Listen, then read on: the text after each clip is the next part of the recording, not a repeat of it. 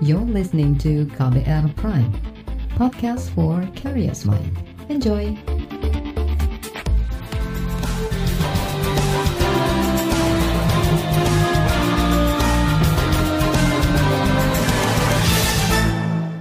Inilah KBR sore untuk hari ini, edisi 9 Desember 2021. Apa kabar Anda sore hari ini, saudara? Mudah-mudahan dalam kondisi yang baik. Kembali KBR sore siap untuk menjadi teman Anda beraktivitas selama kurang lebih 30 menit ke depan. Dan hari ini 9 Desember diperingati sebagai Hari Anti Korupsi Sedunia. Peringatan ini sebagai upaya membentuk kesadaran bersama terhadap bahaya korupsi yang merupakan kejahatan luar biasa namun hingga saat ini, sejumlah kebijakan pemberantasan korupsi di Indonesia dinilai masih lemah. Banyak kasus korupsi dihukum ringan, upaya perampasan aset yang terhambat regulasi hingga aturan remisi yang dipermudah bagi koruptor. Seperti apa upaya negara memperbaiki penegakan hukum bagi koruptor agar memberi efek jera? Bersama saya, Reski Mesanto, kita bahas selengkapnya sore hari ini di KBR Sore. Saudara Presiden Joko Widodo mendorong semua pihak bersama-sama menyempurnakan metode pemberantasan korupsi di Indonesia. Ia meminta penindakan korupsi tak hanya menyasar peristiwa hukum yang menyita perhatian publik saja, melainkan upaya hukum yang fundamental dan komprehensif agar masyarakat bisa memperoleh manfaat. Ia juga mendorong penindakan yang tegas dan tak pandang bulu bagi pelaku koruptor.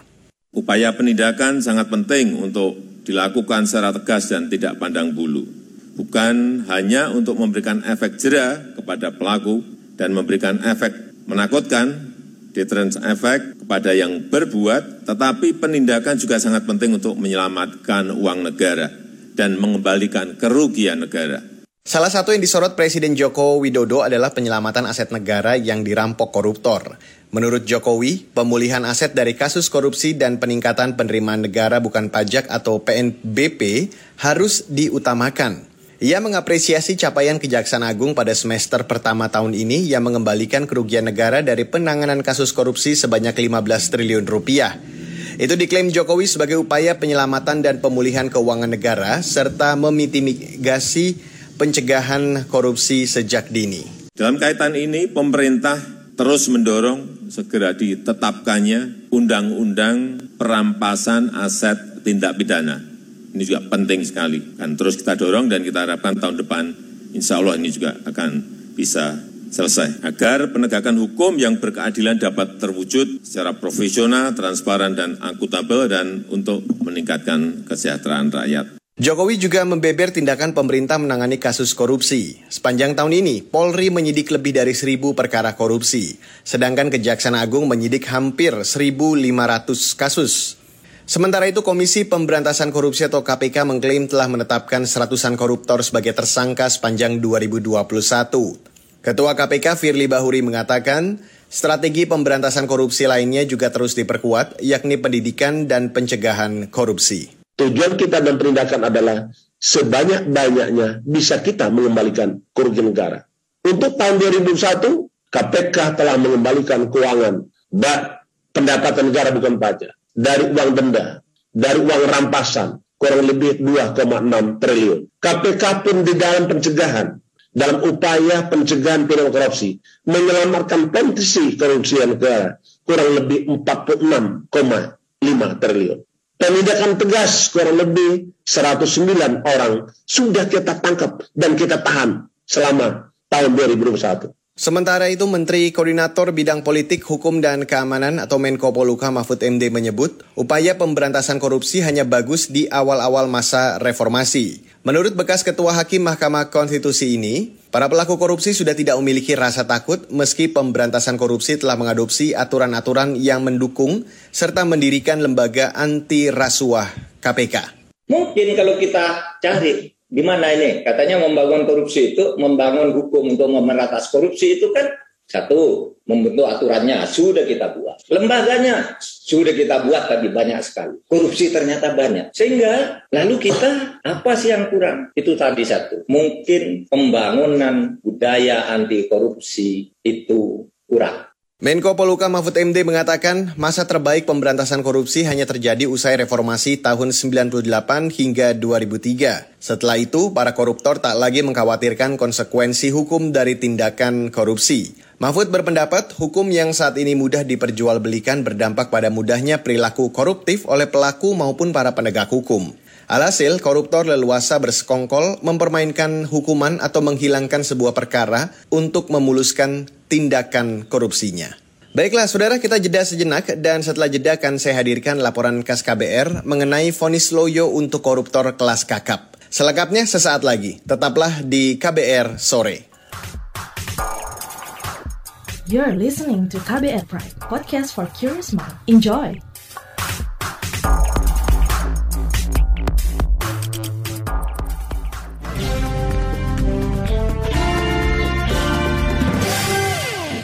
Saudara, tuntutan jaksa dan vonis hakim kepada para koruptor kelas kakap di Indonesia dianggap sejumlah pihak masih loyo atau ringan. Padahal korupsi adalah kejahatan luar biasa dan pelakunya sebagian besar adalah pejabat publik. Kondisi ini dinilai tak akan menimbulkan efek jerah. Lantas, seberapa besar hukuman yang pantas diterima para koruptor?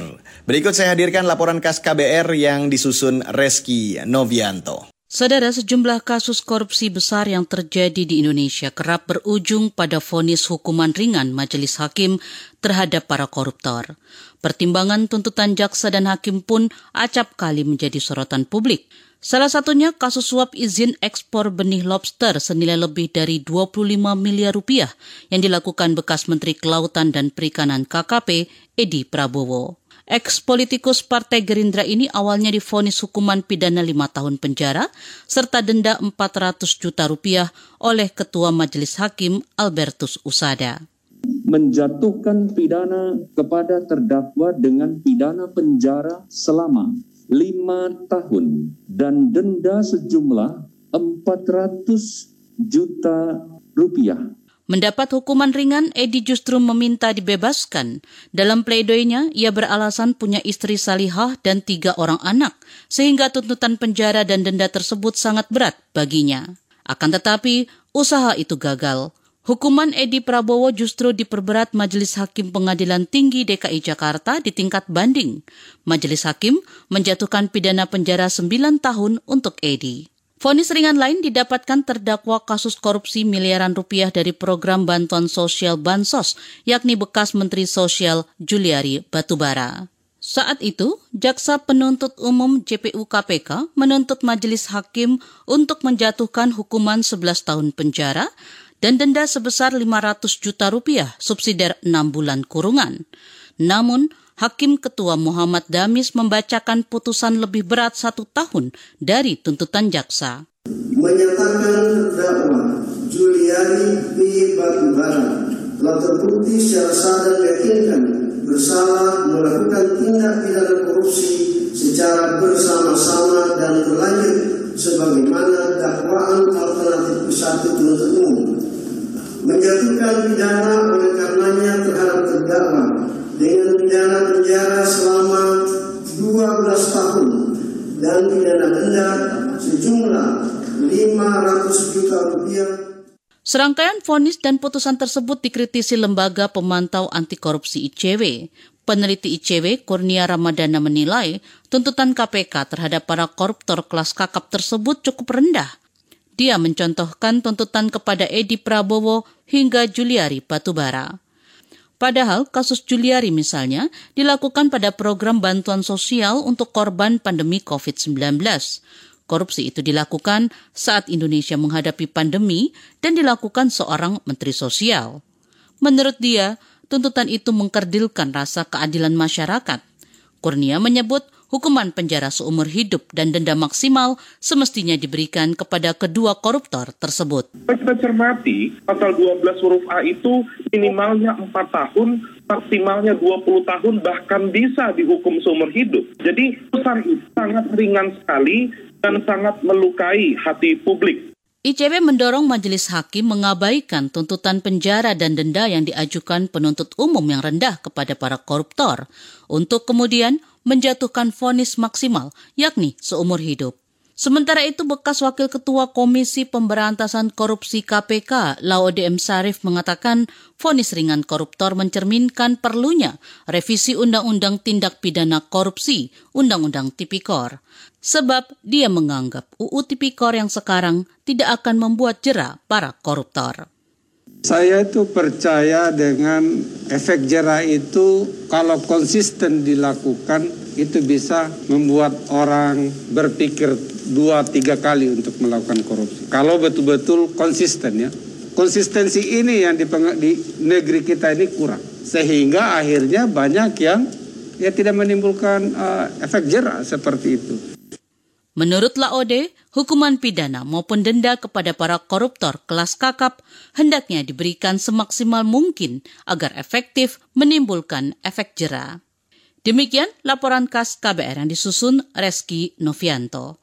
Saya Fitri Anggreni. Saudara DPR dan Pusat Pelaporan dan Analisis Transaksi Keuangan atau PPATK mendorong agar penegak hukum memiskinkan koruptor dengan mekanisme perampasan aset seperti apa usulan konkret dari DPR dan PPATK untuk memiskinkan koruptor? Informasi selengkapnya sesaat lagi. Tetaplah di KBR sore.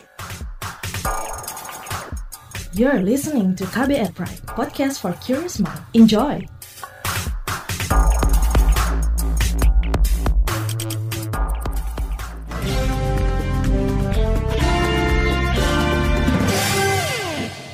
Anda masih mendengarkan KBR sore. Saudara, kalangan anggota DPR mendorong agar pelaku tindak pidana korupsi dimiskinkan untuk menimbulkan efek jerah. Anggota Komisi Hukum DPR Johan Budi mengatakan, tuntutan hukuman berat sampai hukuman mati pun tak cukup untuk membuat pelaku tindak pidana korupsi jerah. Bekas juru bicara KPK itu mengatakan pemberian efek jerak koruptor harus diawali dengan penegakan hukum yang tidak pandang bulu, serta penyamaan persepsi dari para penegak hukum sedari proses awal penyidikan hingga pengadilan.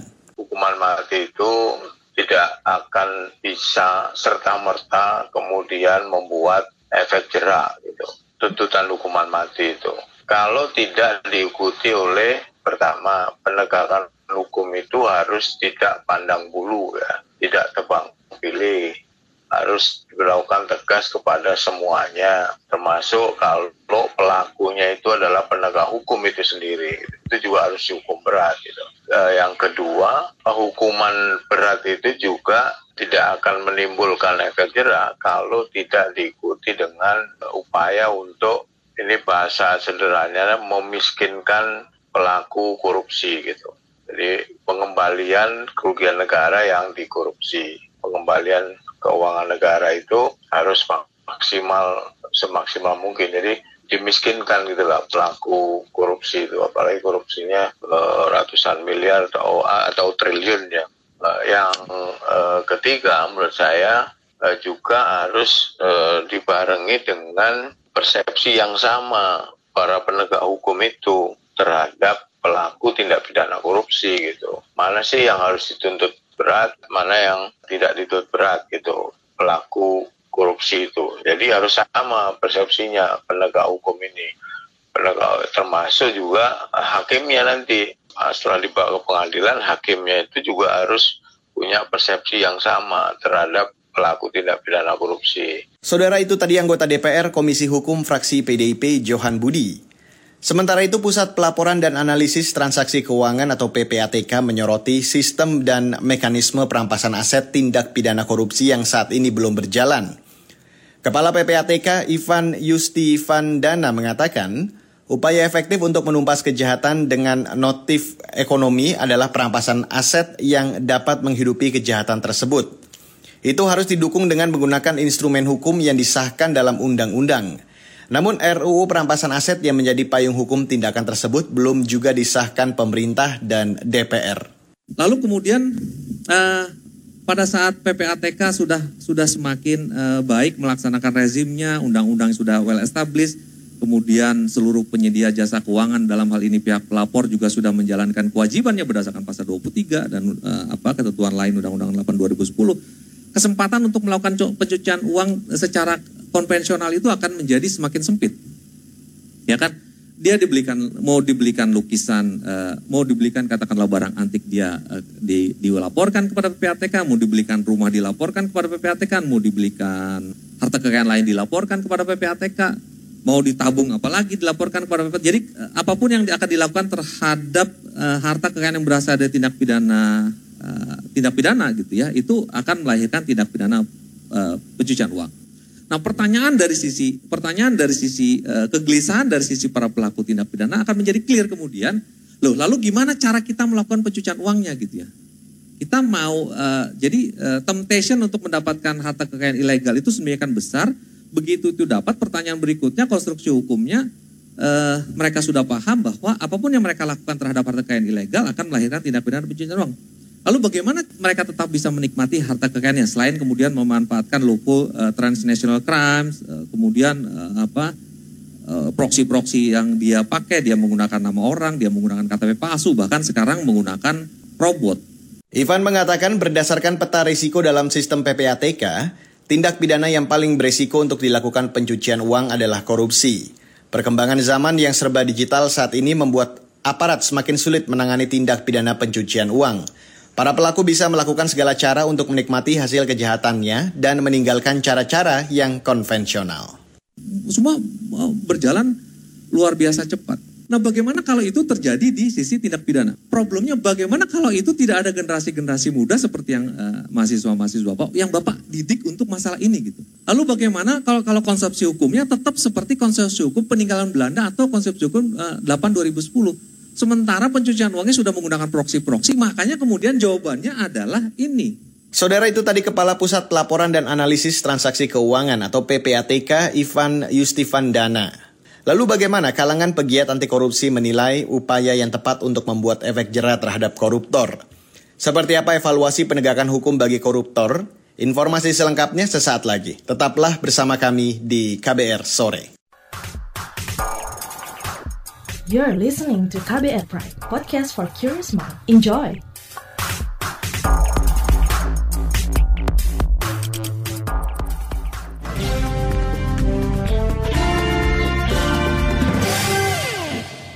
Dan inilah bagian akhir dari KBR Sore. Saudara, Lembaga Pemantau Korupsi ICW menilai putusan pengadilan terhadap koruptor di Indonesia dalam memberikan efek jerah masih jauh panggang dari api. Peneliti ICW, Kurnia Ramadana berpandangan, baik dari segi hukuman pidana maupun pemulihan kerugian keuangan negara tak sebanding dengan kerugian yang diciptakan akibat korupsi. Dan untuk membahasnya, saya ajak Anda untuk langsung mendengarkan wawancara jurnalis KBR Astri Septiani bersama peneliti ICW, Kurnia Ramadana. Mas ini memperingati Hari Anti Korupsi Sedunia. Bagaimana catatan ICW soal hukuman terhadap koruptor di Indonesia? Apakah kemudian sudah efektif memberikan efek jerah dan juga keadilan bagi masyarakat begitu? Iya, dalam catatan ICW selama ini lembaga kekuasaan kehakiman tidak berpihak pada pemberantasan korupsi. Misalnya dari sisi vonis terhadap koruptor, rata-rata hukuman hanya tiga tahun dan satu bulan penjara. Begitu pula terhadap pemulihan kerugian keuangan negara.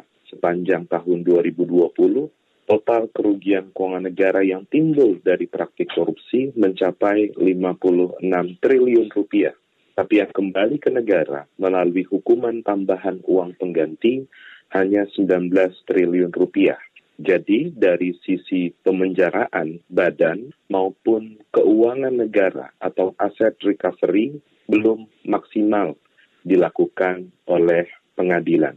Maka dari itu kami berkesimpulan bahwa putusan-putusan pengadilan terhadap pelaku korupsi masih sangat jauh dari kata ideal dan sama sekali belum memberikan efek jerah yang maksimal. Mas, kemudian apalagi catatan dari ICW soal agenda pemberantasan korupsi di Indonesia begitu yang harus dibenahi oleh pemerintah? Iya, kita tahu bahwa ada problem yang cukup serius di tubuh lembaga penegak hukum yang selama ini menjadi garda terdepan pemberantasan korupsi, yaitu KPK. Ini merupakan dampak buruk atas kekeliruan arah politik hukum pemerintah dan DPR ketika merevisi Undang-Undang KPK. Dan juga kita tidak bisa kesampingkan persoalan betapa kontroversinya langkah kebijakan maupun pernyataan dari para komisioner KPK. Ketika garda terdepan pemberantasan korupsi itu justru menyimpang, maka kita akan sulit atau masyarakat akan sulit menitipkan harapan pemberantasan korupsi ke penegak hukum. Peran presiden juga dipertanyakan dalam berbagai aspek atau kejadian selama ini, misalnya salah soal tes wawasan kebangsaan yang kemarin sempat menyita perhatian masyarakat yang cukup banyak atau menurunnya integritas para pejabat publik. Yang kita ketahui ada cukup banyak kejadian dugaan konflik kepentingan ketika masa pandemi COVID-19 ini, baik misalnya dalam konteks bisnis PCR ataupun bisnis obat-obatan. Lagi-lagi Presiden tidak melakukan tindakan konkret dan membiarkan tata kelola pemerintahan semakin memburuk belakangan waktu terakhir. Lalu salah satu yang banyak didorong oleh teman-teman aktivis anti korupsi kan soal upaya pemiskinan bagi koruptor begitu agar harta hasil korupsinya bisa dikembalikan kepada negara. Untuk aspek ini bagaimana Mas pendapat ICW? Apakah sudah maksimal begitu upaya dari negara? Ya, pemiskinan pelaku korupsi itu kuncinya ada dalam rancangan undang-undang perampasan aset.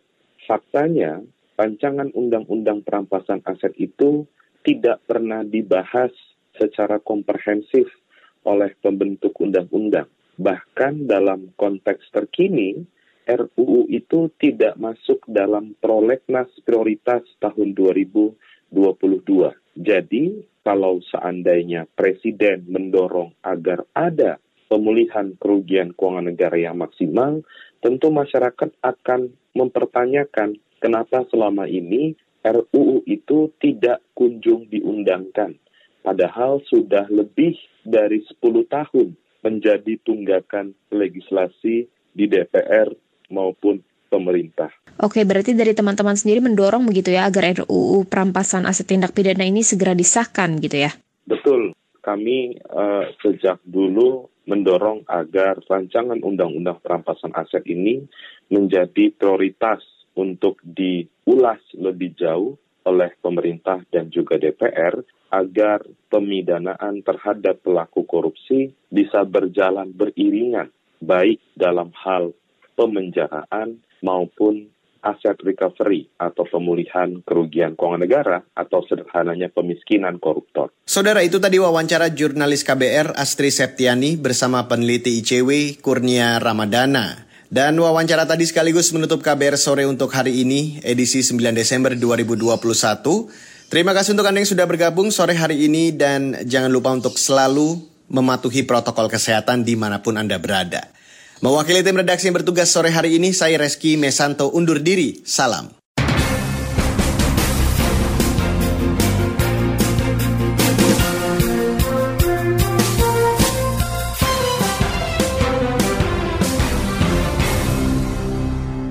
KBR Prime, cara asik mendengar berita. KBR Prime, podcast for curious mind.